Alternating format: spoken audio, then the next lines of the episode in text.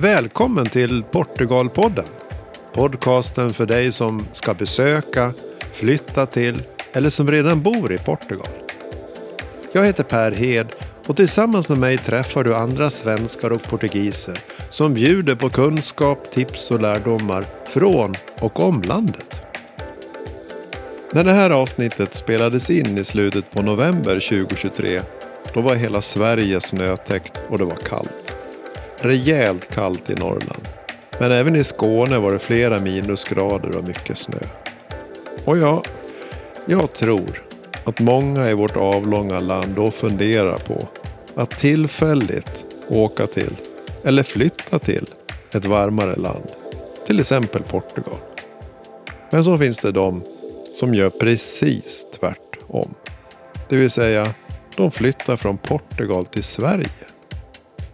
Och i det här avsnittet då ska vi träffa Joel som har gjort det. För Joel och hans familj de lämnade Portugal och Lissabonområdet för cirka sex år sedan och flyttade till Sverige och Borlänge. Och det dyker upp mängder med frågor i mitt huvud. Varför flyttade de från värmen och Atlantens vågor i Portugal till Dalarna och Borlänge? Hur var första tiden i Sverige? Och är det någonting som han saknar från Portugal? Hur lärde han sig svenska? Och talar de portugisiska hemma? Eller pratar de svenska med sina barn? Jag träffade Joel en sen fredags eftermiddag i Borlänge och kunde ställa mina frågor. Här kommer vårt samtal. Välkommen att lyssna. Kul att, att träffas Joel och att jag fick komma hem till er och din familj. Och, Detsamma. och, och det var ju ett lyckokast där tycker jag att jag hittade just ditt namn i en artikel. Ja, ja, jag tyckte att det var intressant att berätta lite om vår historia. Vem, vem är Joel och Alltså Joel är eh, 46 år, är eh, föddes i eh, Eh, så det ligger ungefär 10 mil eh, eh, från Lissabon, norra Lissabon. Så vi är en familj. Två vuxna, två barn.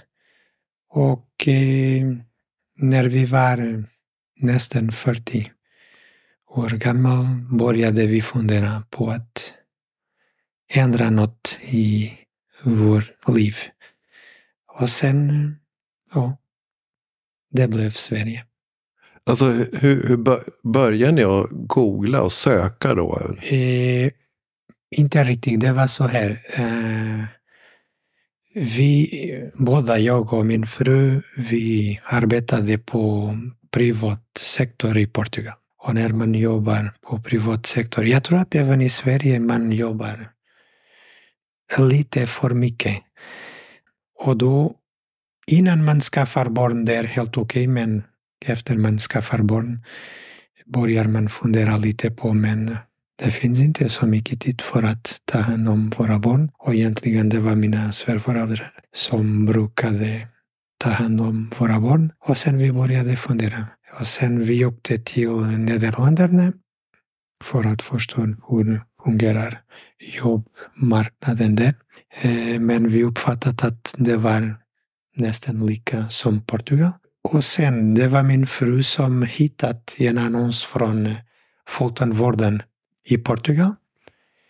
Och sen vi fick ett kontakt eh, av en person som är nu en vän som var tandläkare. Min fru är tandläkare. Och den personen hon jobbade som tandläkare här i Dalarna. Och det var så här vi började eh, skicka några meddelanden och så där. Och sen min fru bestämde sig för att söka den annonsen. Den personen skulle rekrytera folk i Portugal. Så hon åkte, de träffades i Lissabon. Och sen vi fick komma till Dalarna för att besöka regionen, Falun, Borlänge, Ludvika. Och vi tyckte om det vad vi eh, besökte på den tiden och vi bestämde oss för att flytta. Eh, hade ni varit i Sverige tidigare på något sätt? Eller var Nej. det första gången? Nej, nej.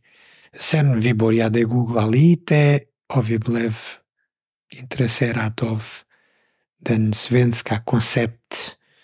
Eh, typ leva lugn och bra balans mellan jobb och privatlivet och sådär. Det var så här. Vad var din första känsla när du kom hit då till Dalarna och åkte runt bland eh, Falun och Borlänge och vad sa du, Ludvika? Jag tror att det var lite, typ kanske, jag började känna mig direkt typ lugnare. I Portugal jag brukade arbeta lite under stress nästan hela tiden. Sen det finns de små skillnader, till exempel trafiken. Eh, Det är mycket lugnare här i Sverige. Eh, Ja, det är små skillnader som jag började känna. Va- va- vad sa era vänner och bekanta i Portugal? Och det var lite svårt, våra, mina föräldrar, mina svärföräldrar, våra vänner. Vi hade ett bra liv i Portugal. Eh, jag är utbildad som ekonom. Jag var ekonomichef där. Min fru var tandläkare. Men grejen att det var bara att jobba på. Och vi hade nästan ingen tid för att utnyttja livet. Alla tänkte att vi var lite galna, men vad ska ni göra? Varför ska ni göra så? Men vi hade redan bestämt oss, men vi måste ändra livet och uh, vi får se om det blir bra. Men uh, nu kan jag säga att det gick bra. Det var lite svårt i början, självklart, med språket till exempel, men uh, man måste anpassa sig. Ja, just språket, det har jag funderat på själv. För portugisiska är ju ett otroligt svårt språk, tycker jag som Ja, ja. svensk. Jag tror att lite svårare än eh, svenskspråket. Ja, och svenska är också svårt. Väldigt svårt. Och jag menar, du pratar ju otroligt bra svenska. Ja, Alltså, hur, hur gjorde du och din fru? Alltså, eh, säg så här, jag har jättemånga vänner och bekanta som har börjat så många gånger på portugisisk språkutbildning. Men inte kommer ett mål. ja, det är väldigt svårt måste jag säga. Och sen, det var så här, när vi kom till Sverige, min fru hade redan ett eh, jobb, jobbavtal. Och avtalet menade att vi skulle börja med den svenska eh, kurs. Så de första sex månaderna, det var bara lära oss svenska så mycket som möjligt. Det var väldigt intensivt. Men det var en väldigt bra grund för att utveckla oss sen med svenska språket. Och det var det som var en eh, jättestor hjälp. Jag förstår. Ja, det kan jag tänka mig. För jag har ju hört att de svenskar som försöker prata portugisiska i Portugal. Så märker den här eh, portugisen att ah, de behärskar inte riktigt det här språket. Så byter ju portugisen till engelska. För ni är Ja. otroligt bra på engelska. Ja. Så man eh, blir, man kommer bli aldrig riktigt tvingad till att prata portugisiska. För det går lika bra med engelska. Det var intressant eh, det du säger. Eh, en grej som vi märkte från början är att i dollarna måste man prata svenska. Vi kan prata engelska, men eh, det är jättevanligt att få ett svar på svenska. Så man nästan måste tvinga sig att prata svenska. Och det var det, jag hade inget jobb när vi flyttat hit, men en feedback som jag hade fått det var om du pratar svenska med, eh, om du är utbildad och om du pratar svenska, det är inte svårt att hitta ett jobb här i Dalarna. Och det var precis så. Så som tur jag fick jobb på Länsstyrelsen i Falun. Och det var också så här som jag utvecklat mig. Jag skickar många mejl varje dag. Så man måste tvinga sig och, och prata. Och sen vi bor här, så vi måste anpassa oss eh, så fort och så mycket det går. Och jag tror att vi, vi har gjort bra. Verkligen. Jag är djupt imponerad ska du veta. Och det är bara på fyra år. Eh, sex. Sex år, förlåt. Sex, Sex år. år. Men även då jag, jag känner mig lite begränsad fortfarande när det gäller specifika grejer.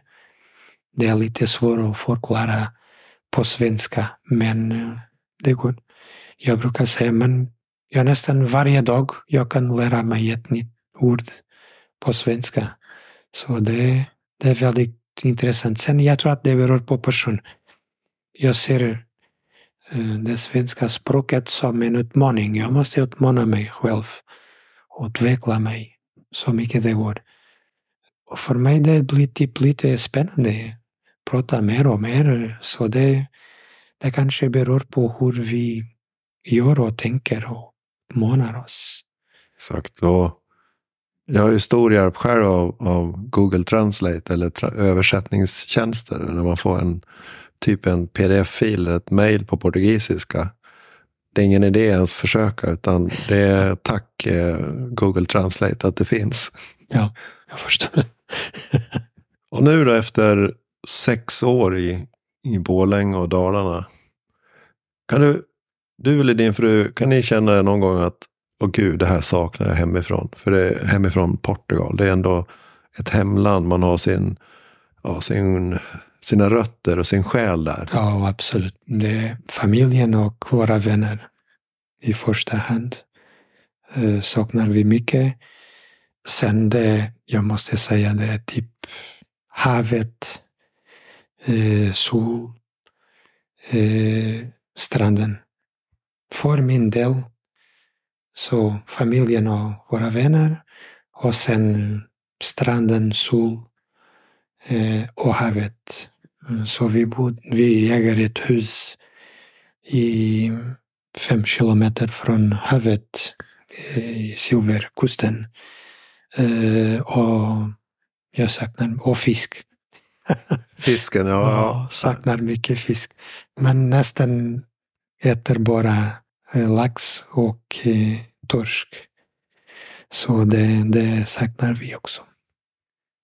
Ja, som, som vi sa här innan vi kopplade upp eh, mikrofonerna och så vidare. Att i, idag så var det 18 grader och strålande sol i Lissabon. Det är intressant. Det är en grej som jag, när jag säger jag saknar sol, så är det. Men under vintern så länge det finns snö, för mig det är helt okej. Eftersom du kanske förstår hur jag menar. Det är väldigt bekvämt i hus i Sverige. Det är varmt och skönt. Och i Portugal under vintern, det är inte riktigt så. Uh, och det är en grej som... Det där tror jag, jag tror många svenskar tror att det är jättevarmt och skönt. Och typ nu då att idag så var det 18 grader i Lissabon. Men, men man tänker nog inte på att den här normala portugisen ikväll eller i natt börjar elda i sin, el, i sin kamin och man har fyra duntäcken i sängen och hela familjen kanske samlas i rummet där den eldstaden finns. Precis, precis, det stämmer väldigt bra. Sen det finns olika temperaturer i samma huset. Så det, det är lite konstigt. Och när man upplever Sverige, när vi åker under vintern till Portugal vid jul och sådär, ja, vi vet att vi kommer att känna lite kallt i, i, i huset. Så det, det är så. Den här råheten eller ja, den här fuktiga luften är ju, även fast det är bra många plusgrader så det blir kallt. Ja, ja, precis det. Och vår region det är väldigt fuktig. Och eh, jag tror att när man får 10 grader där, det kanske stämmer med 2 grader här. Något sånt. Jag tänkte på det, det jag har ett, eh, ett avsnitt som, som inte är publicerat än. Där jag sitter och pratar med en, en portugisisk vän. Eh, hon är född i Portugal. har växt upp och bott 18 år i Malmö. Och sen flyttat tillbaka. Så hon, hon kan Portugal så att säga. Mm. Och då har vi ett avsnitt som handlar om likheter och skillnader mellan Sverige och Portugal. Vad upplever du för likheter och skillnader mellan de här länderna nu efter sex år i, i Borlänge? Jag tror att det är lite svår. Likheter, det finns inte så många. Jag brukar säga det finns mycket små skillnader som om man summerar det blir en stor skillnad. Men eh, ja, det är lite svåra likheter. Jag ser inte så Vad ser du för stora skillnader? stora skillnader. Klimat, det är kanske den största skillnaden sänder små grejer som till exempel fika. Eh, det är väldigt intressant här i Sverige.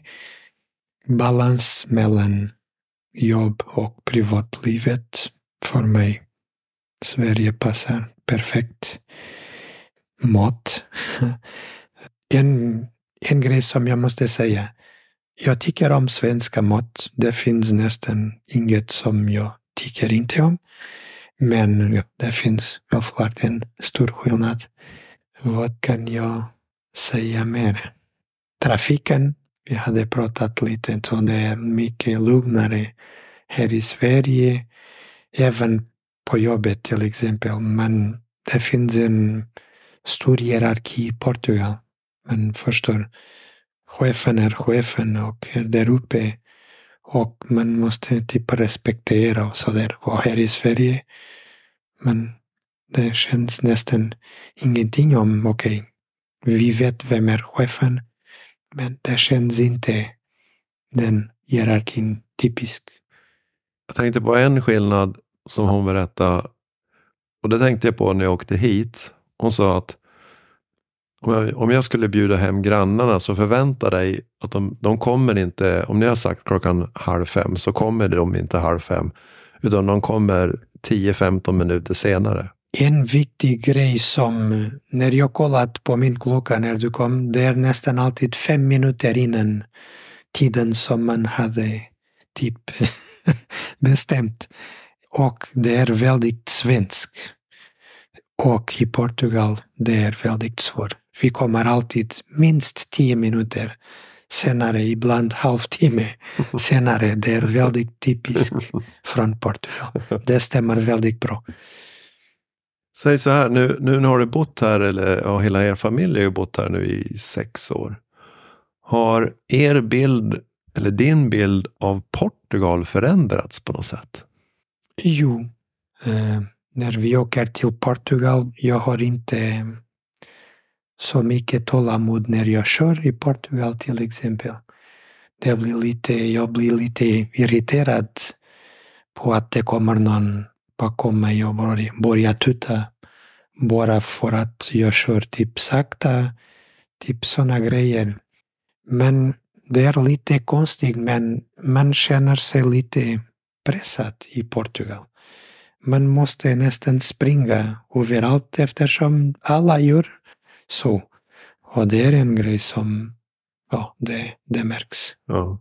Och sen det är, till exempel när vi åker till Portugal, jag har en liten tradition. Jag brukar träffa mina kollegor från min, mitt gamla jobb och vi brukar äta lunch tillsammans dagen efter när jag åker till Portugal.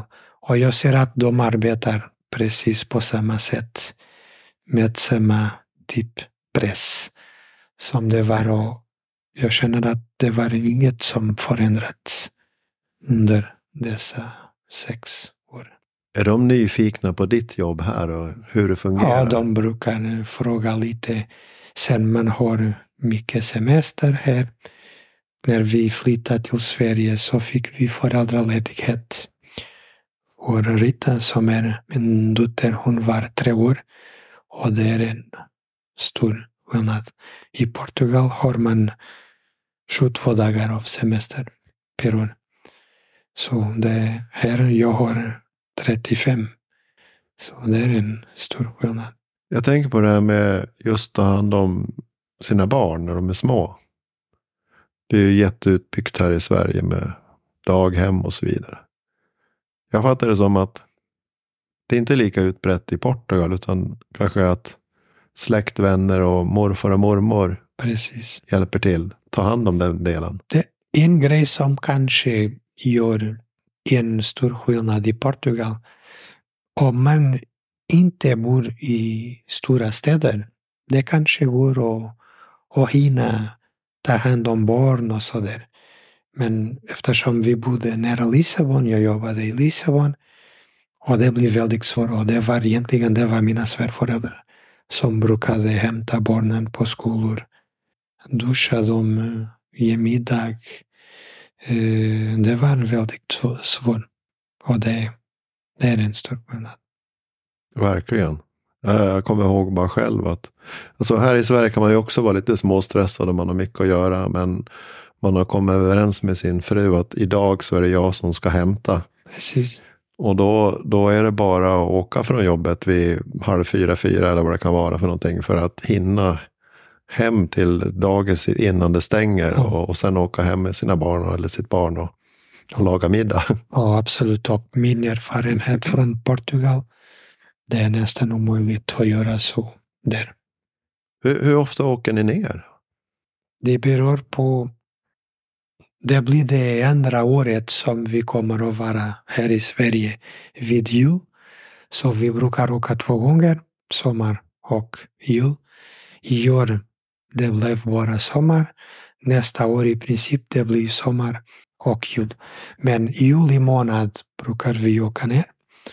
Och december en vecka, två veckor. Grejen är att det är nästan ingenting. En vecka. Vi har en stor familj, många vänner. Det går inte att träffa alla. Sen det finns alltid någon som blir lite arg på oss eftersom vi inte träffats. Så det, det är lite svårt. Under sommaren vi brukar vara där en månad, fyra, fem veckor. Och det finns tid för att träffa alla eller nästan alla. Men två gånger per år. Säg att, att nu kanske inte sannolikheten är så stor att det finns det. Men eh, säg att det finns någon portugis här som eh, får det här översatt av någon vän. Och blir sugen på att, att också kanske flytta till Sverige. Har du några så här goda råd om en portugis ska flytta till Sverige? Har du några så här goda råd till den personen? Jag tänker mest på processen som gäller en flyttning någonstans. Man måste vara väldigt bestämd och vet på riktigt att det är det som jag vill och som jag ska göra eftersom det finns svårigheter som man måste eh, lösa och anpassa sig.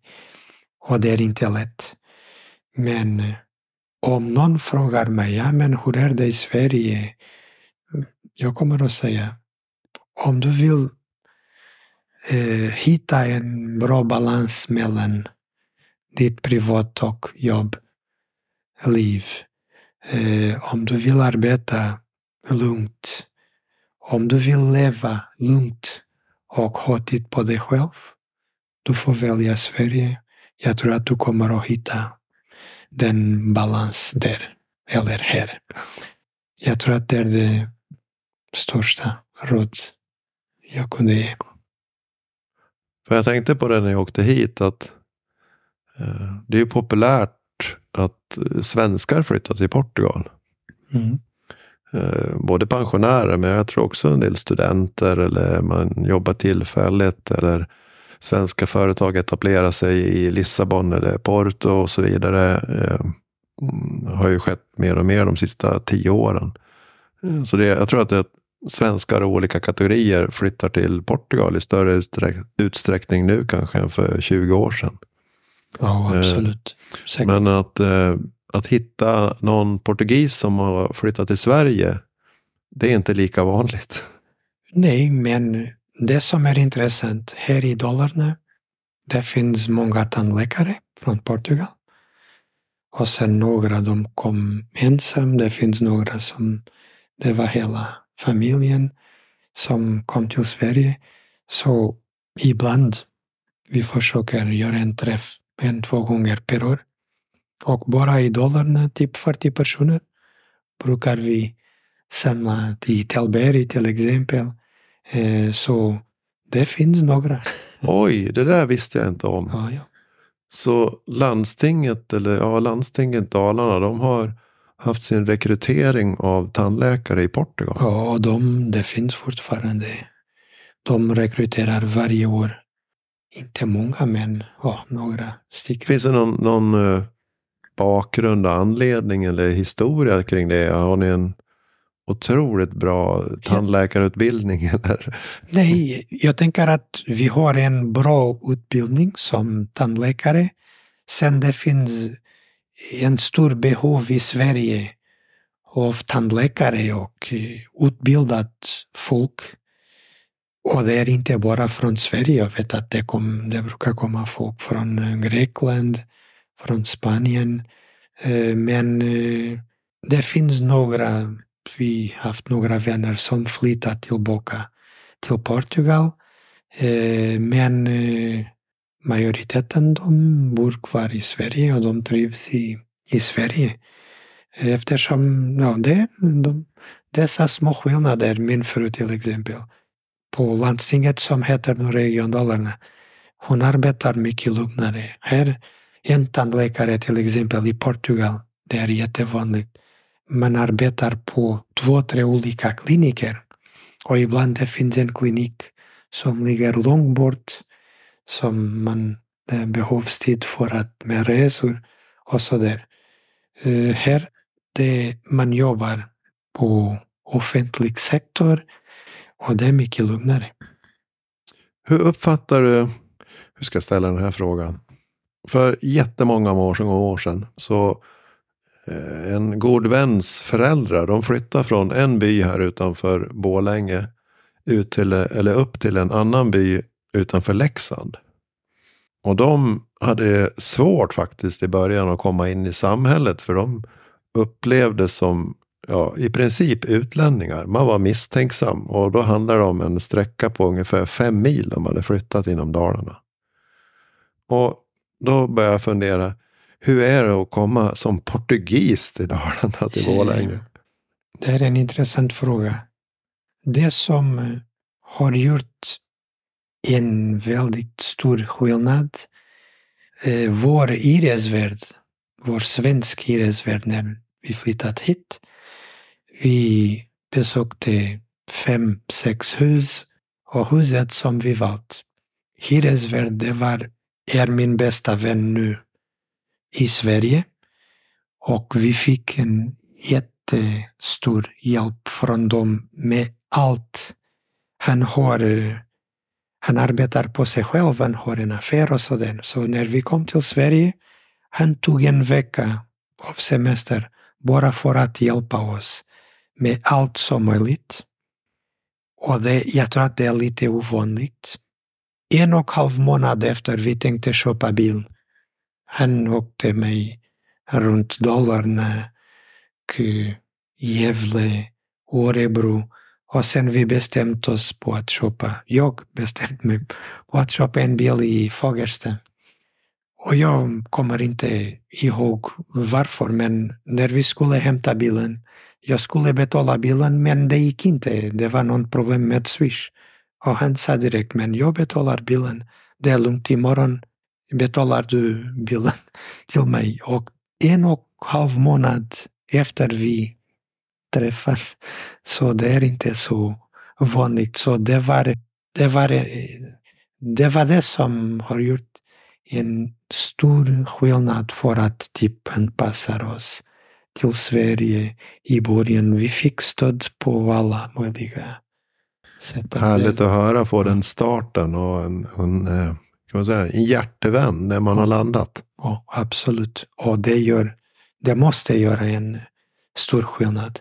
Eftersom om man jämför en svensk mot en portugis, det är lite, jag tror, jag tror att det är lite, lite naturligt, men svensk person är lite, är inte så öppnad, så glad.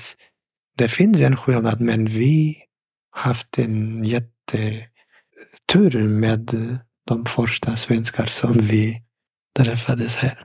Vi, vi hade en jättetur när vi kom till Portugal första gången. För då fick vi en sån vän som hjälpte oss med, ja du vet, avtal med elbolaget ja. och gasbolaget och internet och så ja. vidare. Och jag inser efteråt, vi åkte runt under en hel dag och besökte ett antal kontor och det var mycket papper och stämplar och, och så vidare som skulle till innan det där blev klart. Och jag inser efteråt att om vi skulle gjort det där själva så har det ju säkert gått en vecka. Man har ändå inte riktigt förstått vad har jag skrivit på här och kommer vi få någon el? ja, och det var precis den hjälpen som vi fick i början med allt som möjligt. Som du säger, el, vatten, telefon, bil, eh, möbler, allt som allt. Härligt att höra. Om nu sitter någon, någon eh, svensk här och funderar på att åka ner till, till eh, ja, Portugal i stort.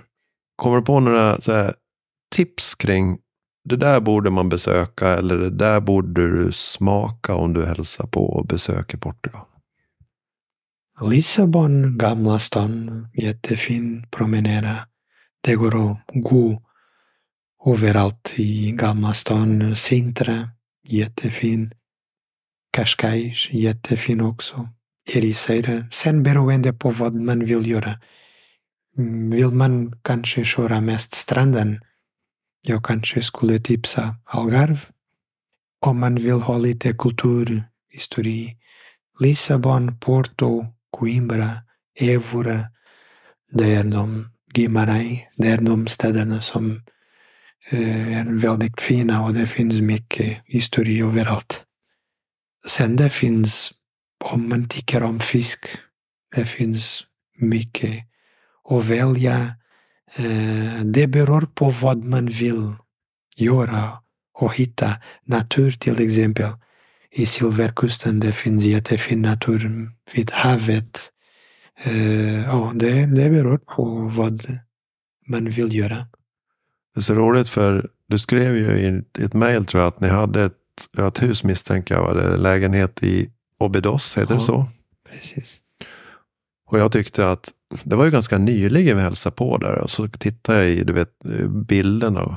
Och då var det 2019 och inser jösses, det är snart fem år sedan i december som vi var där. Men det är ju också en, tycker jag, en, en otroligt vacker plats med den här ringmuren som går runt det här lilla samhället. Och, det, och Åbydos, det är väldigt turistiskt.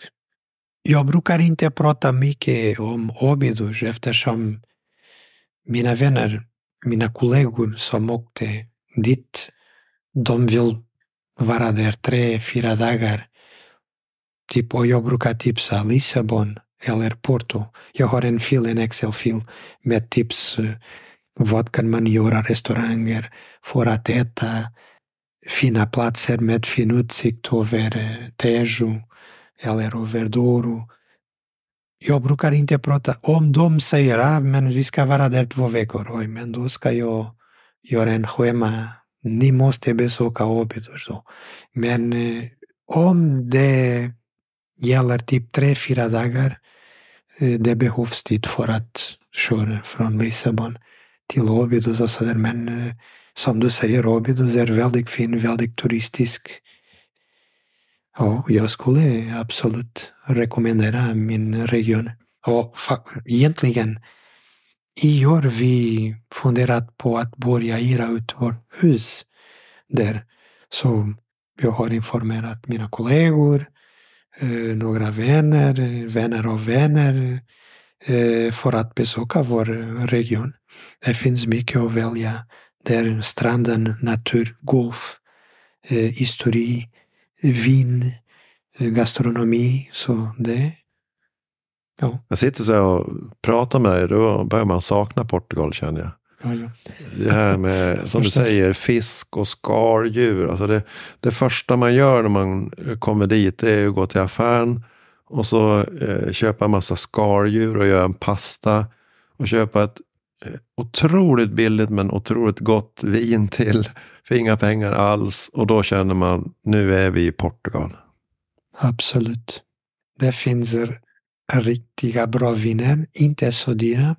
Jag brukar säga 50-60 kronor. Det behövs inte mer för att uh, köpa ett bra vin i, i Portugal. Har, har du hittat någon matfavorit här i Sverige? Här i Sverige? Det där, är, det där var riktigt gott. Till och med så att det är så gott så du funderar på att du ska laga det till dina portugisiska vänner. Det var en bra fråga.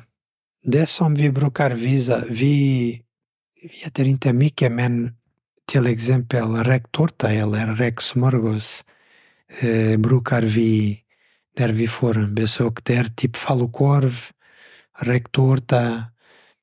Jag tror att det är mest det. Om vi pratar om julbord till exempel, det som jag tycker mest, skinka och eh, Jonssons. Väldigt gott. Men om kunde välja något väldigt gott, Jonssons kanske, det är en potatisgratäng med ja, lax eller kött. Det spelar ingen roll, men eh, jag äter nästan allt. Men just nu jag kommer inte på en grej som... Som eh, sticker ut sådär? Nej. Jag, men... jag kom på en annan fråga. Jag, jag, jag märkte här när jag kom att, att eh, du pratar ju portugisiska med dina barn. Mm. Blandar ni språk eller pratar ni alltid portugisiska hemma? Uh, alltid portugisiska eftersom vi tänker att det är viktigt. Och det är bra att vi åker två gånger till Portugal per år eftersom efter fem, sex månader de börjar tappa lite små ord. Små, man, man märker att de börjar tappa lite så det är typ en refresh när, de, när vi åker eller när vi får till exempel nu december, mina svärföräldrar, de kommer till Sverige under fem veckor. Så det blir en refresh till eh, våra barn eftersom de pratar bara portugisiska hemma. Så när de är på skolor och så där pratar alltid svenska. Och det är lätt om man börjar tappa lite språket. Visst är det så. Mm.